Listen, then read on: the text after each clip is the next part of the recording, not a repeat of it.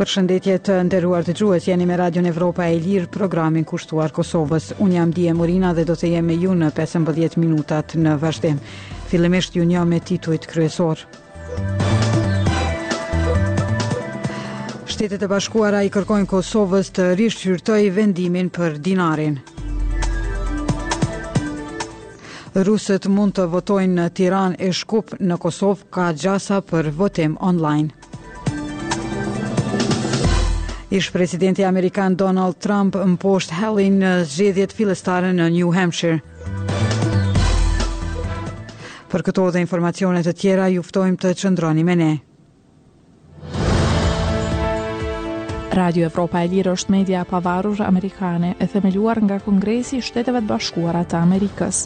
Misioni ynë është promovimi i vlerave dhe institucioneve demokratike. Shtetet e Bashkuara i kanë bërë thirrje Qeverisë së Kosovës që të shqyrtojë vendimin e autoriteteve financiare për paratë e gatshme, ku është përmendur edhe dinari serb. Ditë më parë, Banka Qendrore e Kosovës ka miratuar një rregullore për operacionet me para të gatshme që parasheh euron si monedhë të vetme për kryerjen e transaksioneve. Kjo rregullore parashihet të hyjë në fuqi më një shkurt. Në Kosovë, në të gjitha vendbanimet me shumicë serbe, popullsia përdor dinarin serb për të kryer pagesa, dhe ata që punojnë në institucionet serbe në Kosovë i marrin edhe pagat me dinarë. Me dinarë paguhen edhe pensionet sipas sistemit serb si dhe shtesat për fëmijë dhe ndihmat sociale.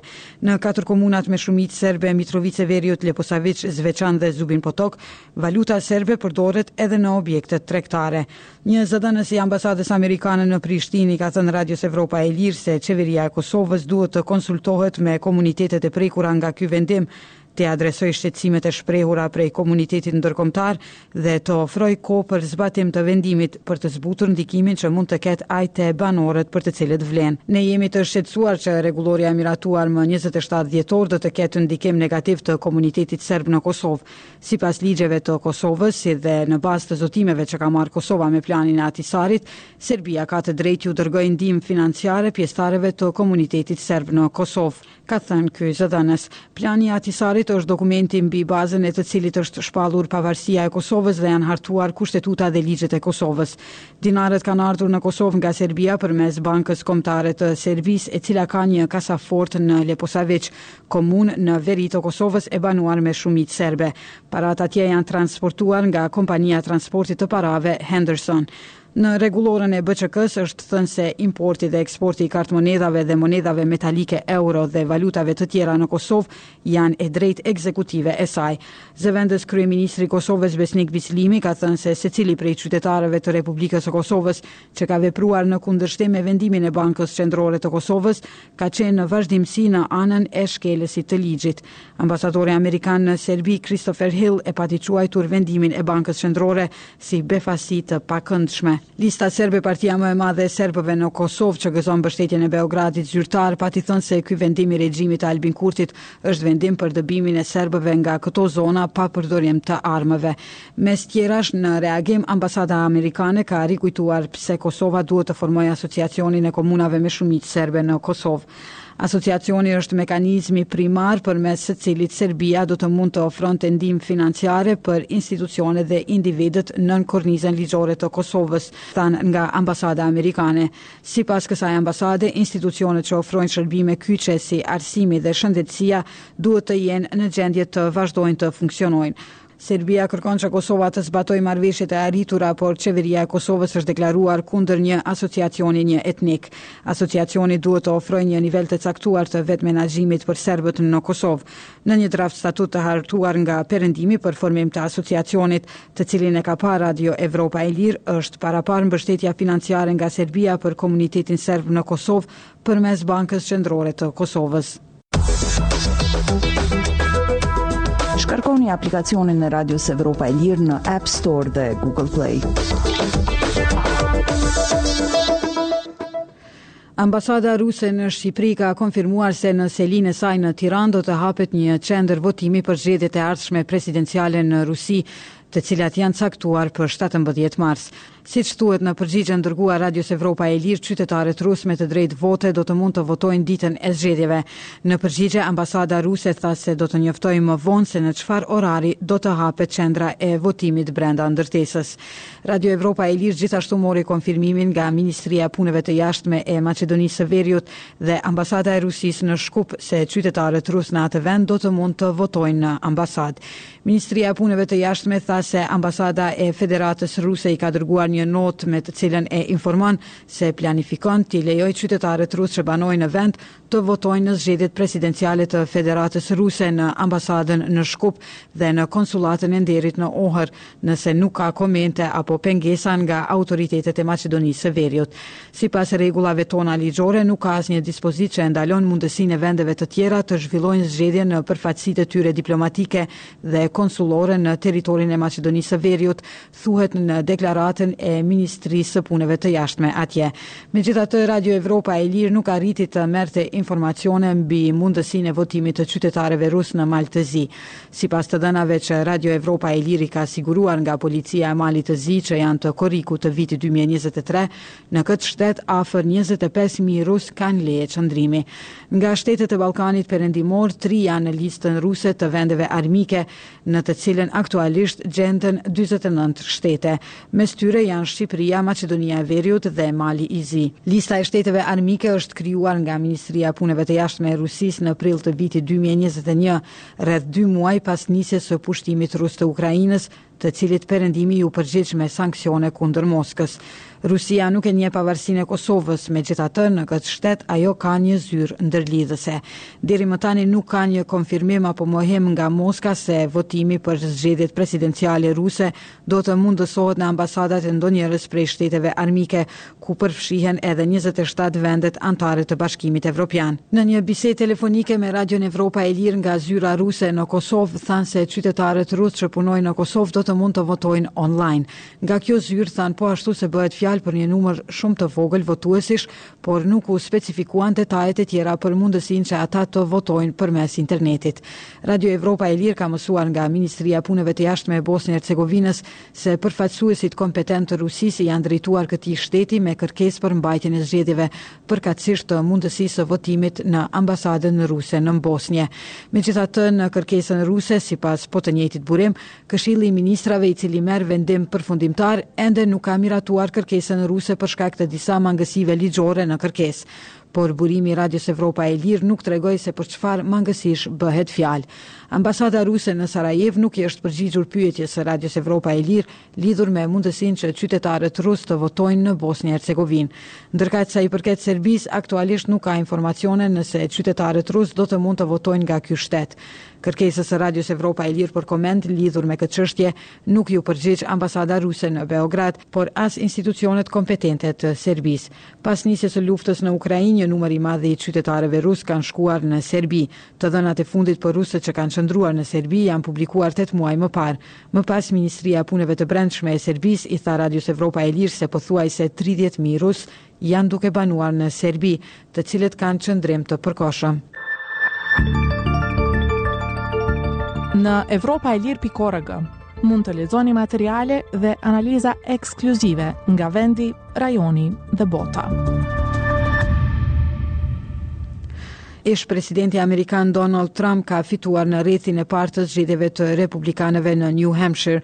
Kështu ai ka rritur mundësitë për të fituar nominimin e republikanëve në garën për president në nëntor të këtij viti.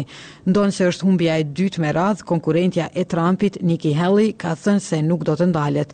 Më shumë hollësi nga kolegja Krenare Cubolli. Ish-presidenti amerikan Donald Trump ka fituar në zgjedhjet fillestare për president në New Hampshire, duke iu afruar edhe më shumë nominimit të republikanëve në garën e madhe të nëntorit.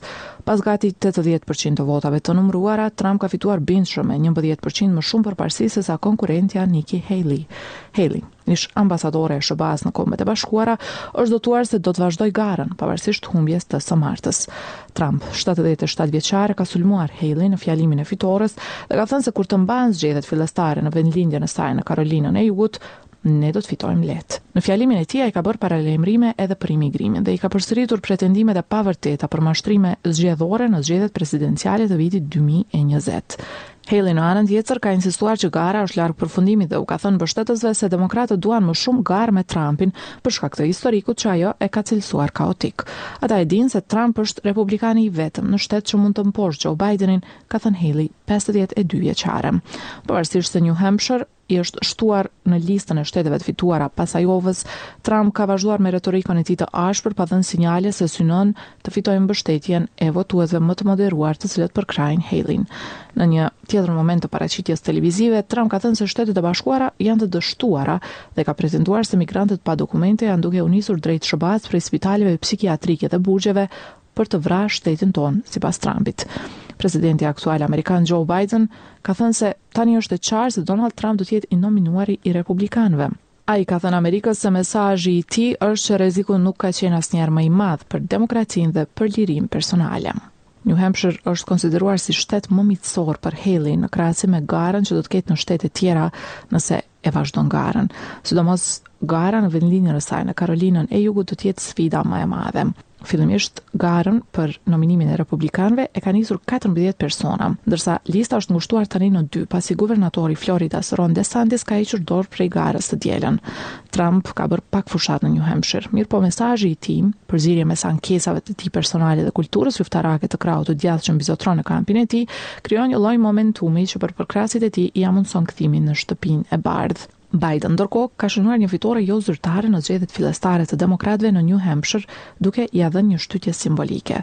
Presidenti e ka kaluar ditën duke bërë fushatë bashkë me nënpresidenten Kamala Harris në Virginia, në një marsh për të drejtat për abortin.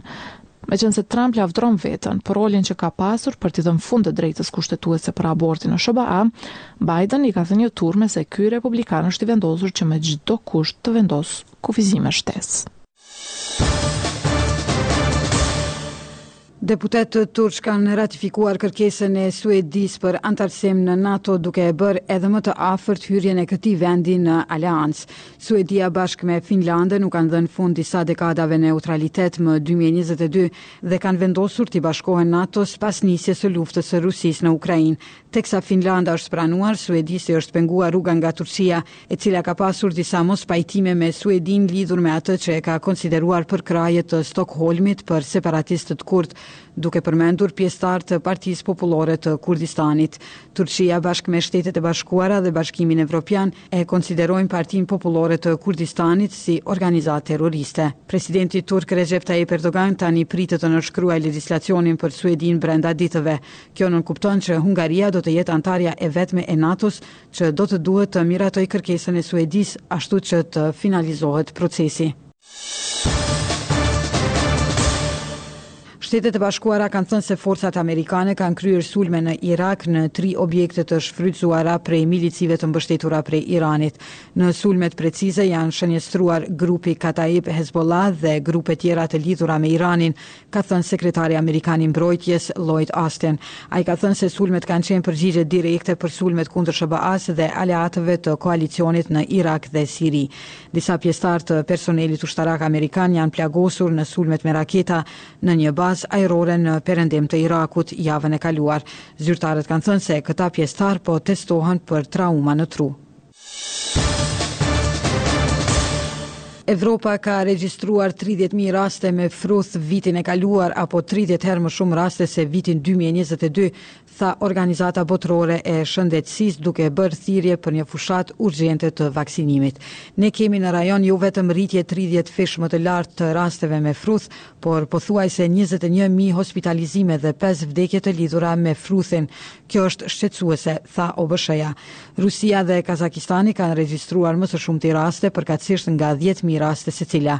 Evropa Perëndimore, Britania po ashtu kanë regjistruar njëqind e tetëdhjetë e tre raste.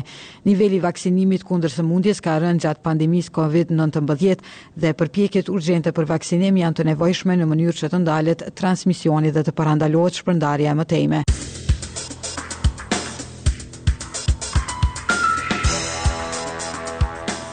Ishin këto të gjitha materialet e përgatitura për edicionin e mesditës. Për lajmet e fundit dhe informacione të tjera mund të vizitoni faqën tonë në internet Evropa e Lirë pikë org. Jemi aktiv edhe në rrjetet sociale Facebook, X, Instagram, Threads dhe YouTube. Deri në takimin tonë të radhës, mirëmbetshi.